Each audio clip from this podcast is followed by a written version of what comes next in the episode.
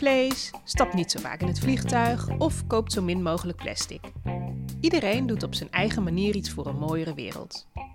Of niet natuurlijk. Global warming and that, that a lot of it's a hoax. It's a hoax. Maar heb je er wel eens over nagedacht dat je ook aan het einde van je leven nog veel kunt doen om de wereld een beetje schoner achter te laten? In deze podcast Groen het leven doorgeven van coöperatie Dela ga ik, Inge Terschuren, in gesprek met experts van Dela over duurzaam het leven gedenken. In deze aflevering praat ik met Frank IJzenga, hoofdinvesteringen bij Dela. Hij weet alles over duurzaam beleggen. Hij legt je zelf uit wat hij doet bij Dela. Ja, ik ben dus verantwoordelijk voor uh, de beleggingen. Uh, dat is op dit moment 6,8 miljard. En dat klinkt heel veel. Maar we hebben ook 4 miljoen leden en die leggen elke maand, elk kwartaal, elk jaar premies in. En uiteindelijk beloven wij een uitvaart. Dus gemiddeld uh, is de looptijd van die verplichtingen, die beloften die we doen, duurt 45 jaar. Sommige mensen verzekeren hun kinderen als ze geboren worden. En dan heb je dus meer dan 80 jaar de tijd. Veel mensen nemen pas een verzekering als ze ergens in de 50 zijn, maar dan nog is er 20, 30 jaar de tijd.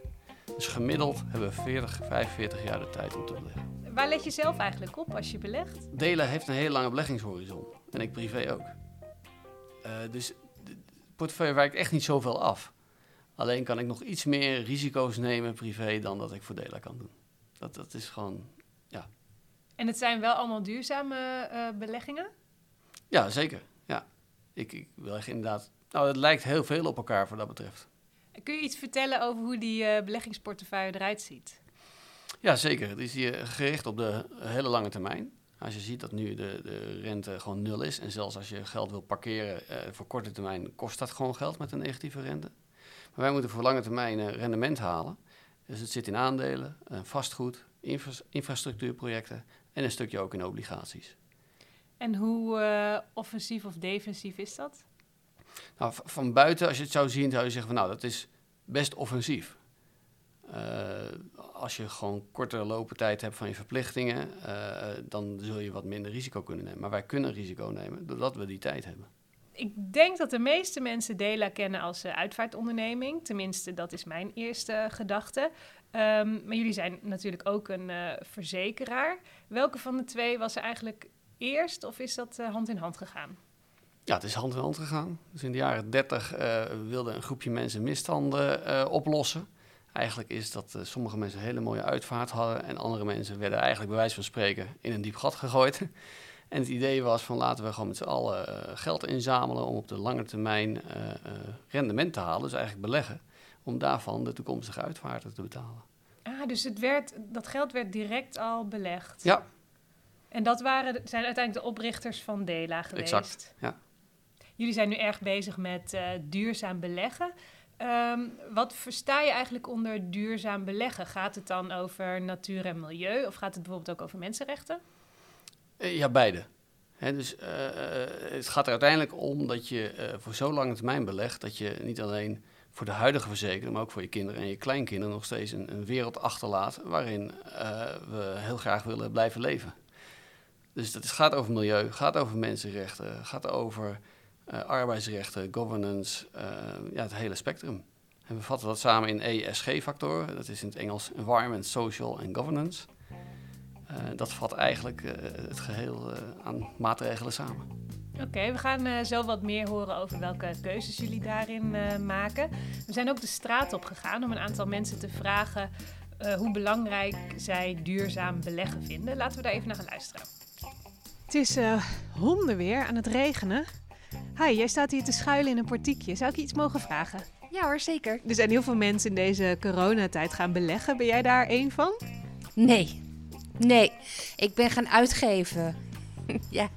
Ja, ik ben wel begonnen met beleggen. Ik heb er wel over na. Ik ben me erin aan het verdiepen en ik heb wel de plannen om dat te gaan doen. En als jij ergens een verzekering afsluit, vind jij het dan belangrijk dat jouw verzekeringsgeld ook duurzaam wordt belegd? Nou ja, ik vind het in ieder geval belangrijk dat het niet in verkeerde dingen wordt belegd. Dat is wel vrij lastig volgens mij, want geld uh, kent geen kleur eigenlijk. Dus uh, daar, daar gebeuren al heel snel foute dingen mee, waar je zelf geen invloed op hebt. Als ik kijk voor mezelf, ik heb geen uitvaartverzekering, dus ik vind het onzin. Als ik dood ben, ben ik dood. Een duim onder de grond of stop me in zo'n oventje. Ik vind het best. Daar heb je niet zo'n uit gewoonte uitvaartverzekering voor nodig.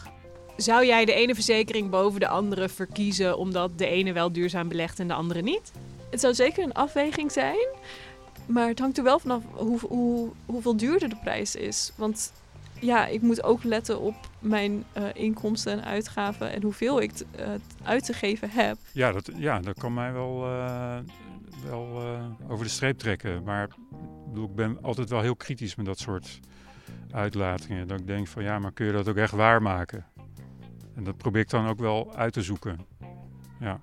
Eh, ja, nou, en niet alleen duurzaam. Ik vind het belangrijk dat het goed wordt belegd. Dus in, in, eh, in ja, eh, duurzame, duurzaamheid of cultuur. Of eh, in ieder geval in positieve dingen. Niet in wapens of eh, andere zaken. Duurzaamheid staat vaak ook wel niet voor heel snelle, snelle groei. Dat staat ook voor duurzame groei. En dus inderdaad voor beleggen dat dat dan niet misschien de eerste bedrijf zijn waar je in zou investeren. Veel verschillende dingen gehoord. Eh, laten we eens beginnen bij eh, Nicole. Dat is degene die zegt: waarom zou, ik eigenlijk überhaupt een uitvaartverzekering nemen? Want eh, de gemeente stopt me wel in de grond of in de oven. Wat eh, is daarop jouw antwoord? Ja, dat is een, een goede vraag. Veel, veel mensen vragen zich wel af, is dat nou wel nodig? Ehm, kijk, feitelijk kun je er ook gewoon zelf voor sparen. Eh, maar met, zeker met de huidige rente die, die nul is, zul je gewoon heel veel opzij moeten zetten. Wat wij doen, is hele kleine bedragen bij elkaar optellen, collectief beleggen tegen lagere kosten. En een rendement behalen, zodat we ook over 50 jaar nog steeds die uitvaart kunnen betalen. En als je dat zelf doet, is dat gewoon duurder. Dus ook financieel gewoon wel een slim product. Ook al denk je van, nou ja, dan verkopen ze maar mijn auto of iets dergelijks. Het is gewoon een extra eh, bedragje wat je opbouwt. Ja, dus omdat het meer mensen zijn, eh, kan je meer geld eh, daarmee eh, verdienen. We hoorden ook voorbij komen iemand die zei: Nou, ik ben wel een beetje sceptisch, want geld gaat zijn eigen gang. Het is bijna niet te controleren. Hoe denk je daarover? Nou, als het niet te controleren is, dan, dan, dan hebben we sowieso wel een probleem. Maar ik, ik snap wel wat, wat meneer zegt. Ehm, uiteindelijk willen mensen rendement maken. Alleen het mag niet tegen elke prijs. Eh, een andere meneer zei ook, ik wil niet in foute dingen beleggen. Eh, er zijn heel veel controversiële zaken waar je gewoon niets mee te maken wil hebben. Daarom is het ook zo belangrijk dat je juist kunt volgen waar elke euro naartoe gaat en wat daarmee gebeurt. En het hoeft helemaal niet eh, negatief te zijn voor het rendement ook. En dat is ook duurzaam beleggen. Niet nadenken over milieufactoren en klimaatverandering en dergelijke is ook een risico op lange termijn. En het kan ook gewoon financieel ook slecht uitpakken. Dus het is gewoon een onderdeel van de beleggingsanalyse. Mhm, Maar ik denk wel dat er nog steeds een idee eh, heerst. Dat hoorde je ook eh, bij de laatste spreker. Dat er nog steeds een idee heerst. Oh, duurzaam beleggen, dat levert minder rendement op. Is dat zo? Dat is niet het geval. We kunnen, er zijn veel onderzoeken over geweest. eh, en die zijn allemaal eigenlijk inconclusive. Sommigen zeggen van ja, het kost wat geld. Anderen zeggen nou, het levert juist geld op. Eh, wat wij zien is, en dat meten we ook elk jaar, van wat hebben we nu gedaan en wat als we dat niet gedaan hadden. En simpelweg gewoon de markt hadden gevolgd. Eén jaar levert wat op, ander jaar kost het wat geld, maar op lange termijn hebben wij daar geen plus of min van kunnen ontdekken. Mhm, Dus op de lange termijn is het ongeveer eh, gelijk. Ja, en kun je dus goed doen zonder dat het rendement kost. Ja, precies.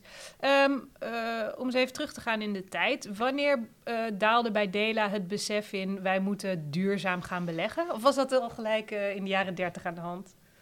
Nee, nou, nou in de jaren 30 was het natuurlijk vanuit een sociale gedachte is die hele verzekering begonnen. Maar echt het beleggen, ehm, ja, ik werk nu tien jaar bij Dela. Tien jaar geleden sloten wij al bedrijven uit. Eh, maar dat was echt de, de, de controversiële wapens, eh, eh, landen waar gewoon sancties tegen waren. En dat was het. En ja, dat heeft, ja, is verder gegroeid. We zijn steeds meer gaan uitsluiten, maar ook gaan meepraten met bedrijven. Want je kunt extreem zeggen van, nou, ik wil hier niets mee te maken hebben, ik sluit het uit. Of je zegt, nou, in de basis snap ik dit bedrijf wel, maar de uitvoering is niet oké. Dan kun je ermee gaan praten. En als na jaren van praten er niets gebeurt, dan kun je het alsnog uitsluiten. Dus het is een- enorm gegroeid. En, en we praten bij, met alle bedrijven mee, we stemmen op alle aandeelhoudersvergaderingen.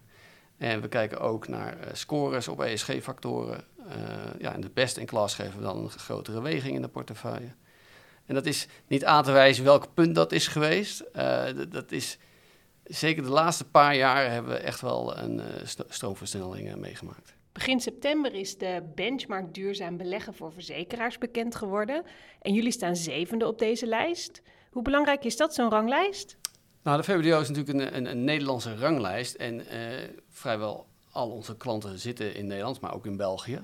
Eh, dit is een lijst waarmee eh, eigenlijk op een onafhankelijke manier wordt bekeken hoe je scoort op die ESG-factoren. Eh, van de uitvaartverzekeraars, waar we veruit eh, ja, de hoogscorende, maar ook van de veel grotere verzekeraars zijn we trots op dat we op deze plek zijn geëindigd. Mhm. En is het ook belangrijk voor de leden van DELA? Merken jullie dat? Ja, periodiek consulteren we ook de leden. En die geven altijd aan dat, dat ze dit een belangrijk onderwerp vinden. Ja. Ja. Nee, want je hoorde ook iemand zeggen, nou, voor mij zou het wel een overweging zijn om de ene verzekering niet te nemen en de andere wel. Dat er duurzaam wordt, eh, wordt belegd. Krijg je dat ook eh, te horen van mensen, dat ze daarom voor DELA kiezen? Eh, ze, ze nemen het wel altijd mee, ja. ja. Dus Mhm. dit is altijd wel belangrijk voor de mensen.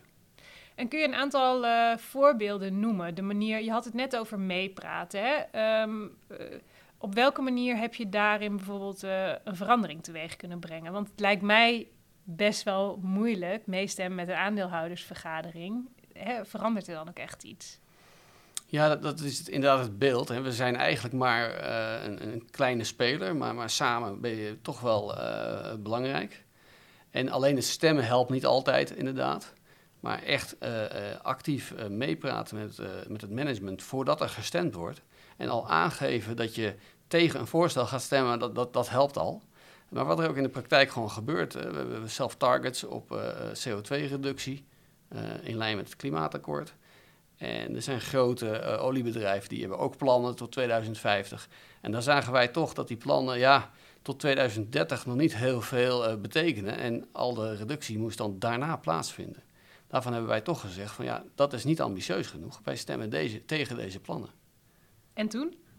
We wachten de uitkomst nog af. En stel nou dat die plannen niet ambitieuzer worden en het is wel eh, een belangrijk bedrijf om in eh, eh, te beleggen. Wat doe je dan? Ga je dan toch uitsluiten? Dat, dat- uiteindelijk kan het daartoe leiden, ja. Ook als het een heel groot bedrijf is. Ja, niemand is heilig. Nee. Nee, nee, nee, Nee. En is het al eens gebeurd? Ja, dat is zeker gebeurd. Ja, ja. Er zijn altijd wat namen waarvan wij zeggen van ja, na drie jaar praten, dit gaat niet goed komen of wij hebben er geen vertrouwen meer in en dan sluiten we het uit. Ja. Mhm. En staan eh, bedrijven ook altijd open ervoor om eh, met jullie hierover te praten?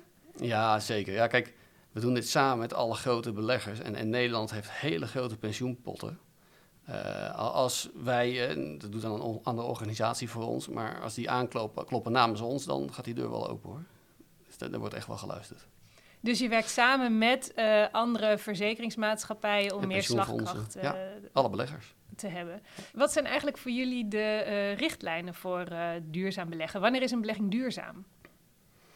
Ehm, nou, we hebben enerzijds harde criteria en anderzijds softe criteria. Kijk, harde criteria, we hebben gewoon een pad van CO2-reductie uitgestippeld. Wij meten onze hele portefeuille door naar wat de CO2-impact is van dat bedrijf. Ehm, daar moet je gewoon aan conformeren. En uiteindelijk moeten we dat halen. In 2030 een milestone, 2040, 2050. Eh, maar ook andere criteria zoals eh, kinderarbeid, eh, eh, ja, mensenrechten. Er zijn gewoon keiharde criteria. En zijn dat, door wie zijn die criteria dan gesteld? Door jullie zelf of is dat een, een soort richtlijn? Ehm, enerzijds door onszelf. Er is natuurlijk ook eh, Verbond van Verzekeraars eh, wat richtlijnen heeft en die onderschrijven we ook allemaal. Maar uiteindelijk zijn wij zelf verantwoordelijk. Wij zijn soms ook een beetje strenger misschien. Eh, maar het Verbond van Verzekeraars heeft natuurlijk bepaalde richtlijnen opgesteld.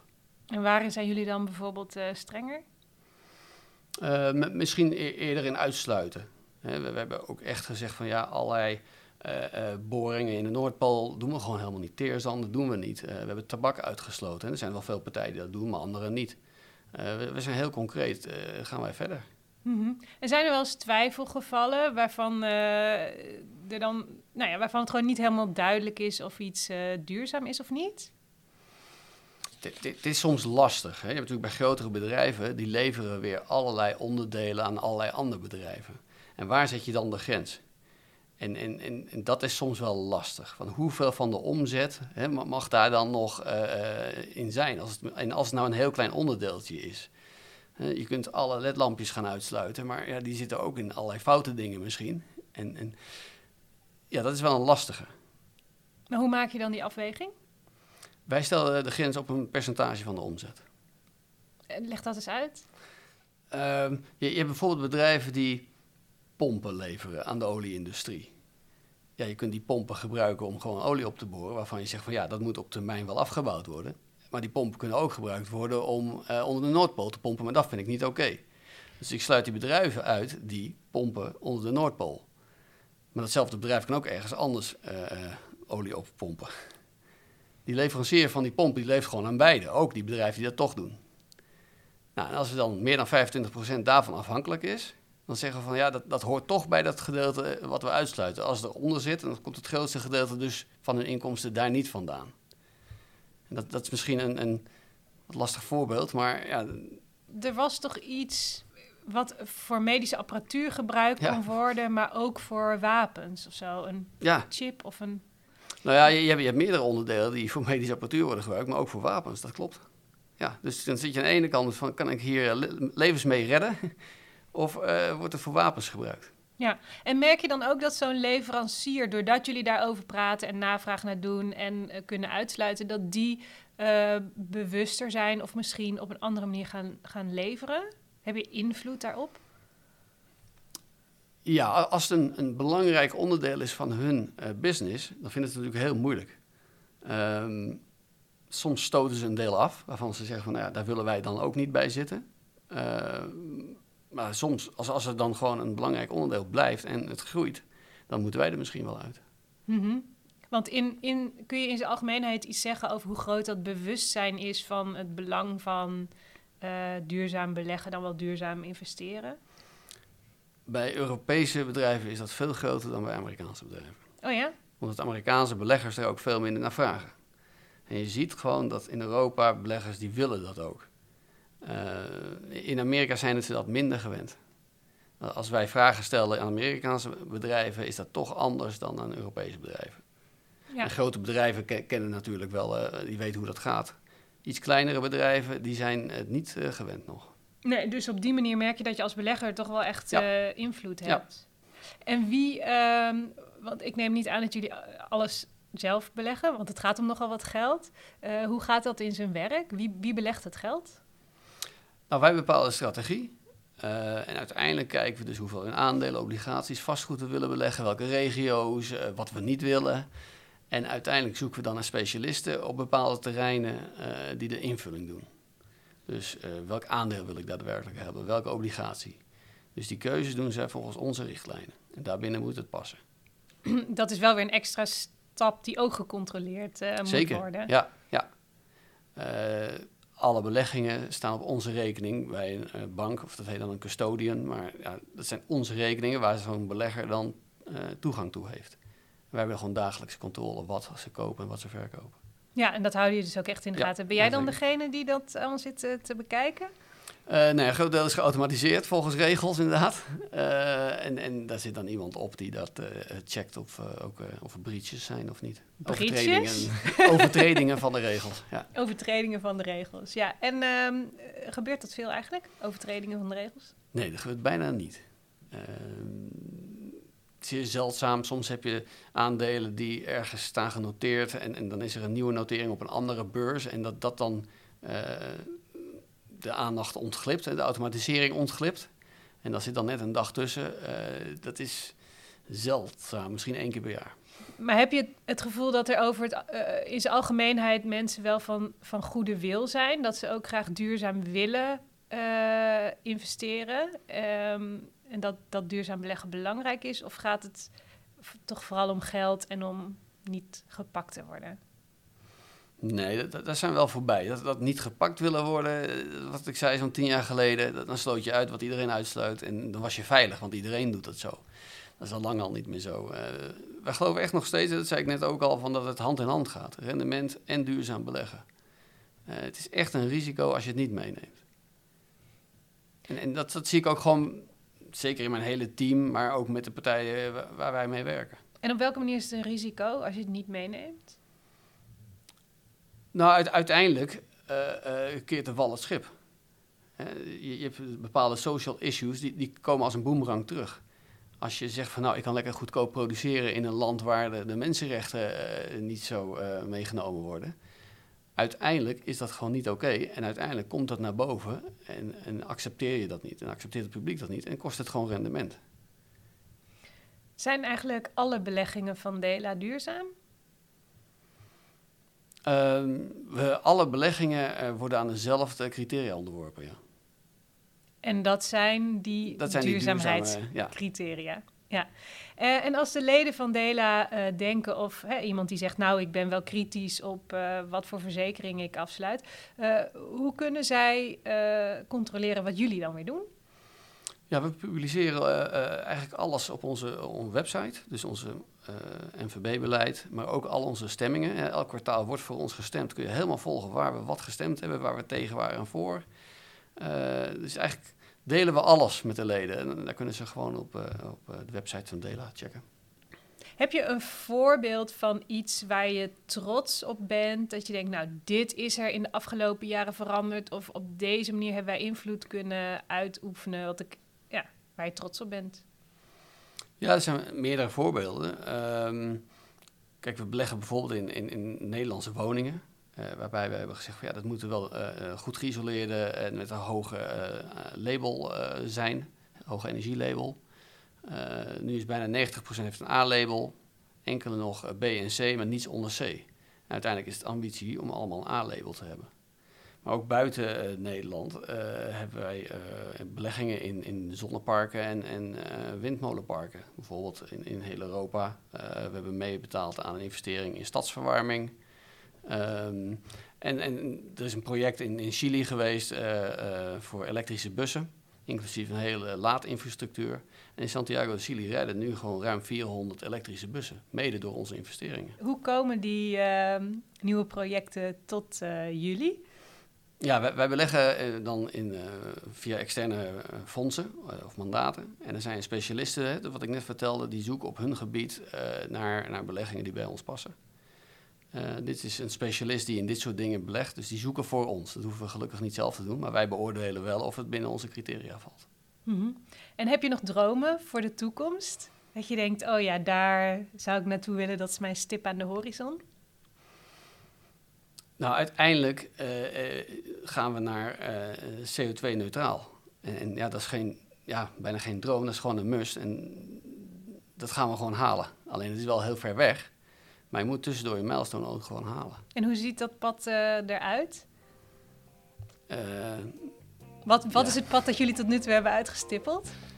Eh, in 2030 moet het 50% van de uitstoot eh, zijn van vorig jaar. En vorig jaar hebben we dat die, die, die stip aan de horizon gezet. We hebben gezegd, nou, over 10 jaar eh, is er 50% minder uitstoot in onze hele beleggingsportefeuille vergeleken met de stand 2020. En wanneer is het CO2-neutraal? Dat is in 2050. Oké, dan komen we dan nog een keer bij je terug. Dankjewel. Dankjewel.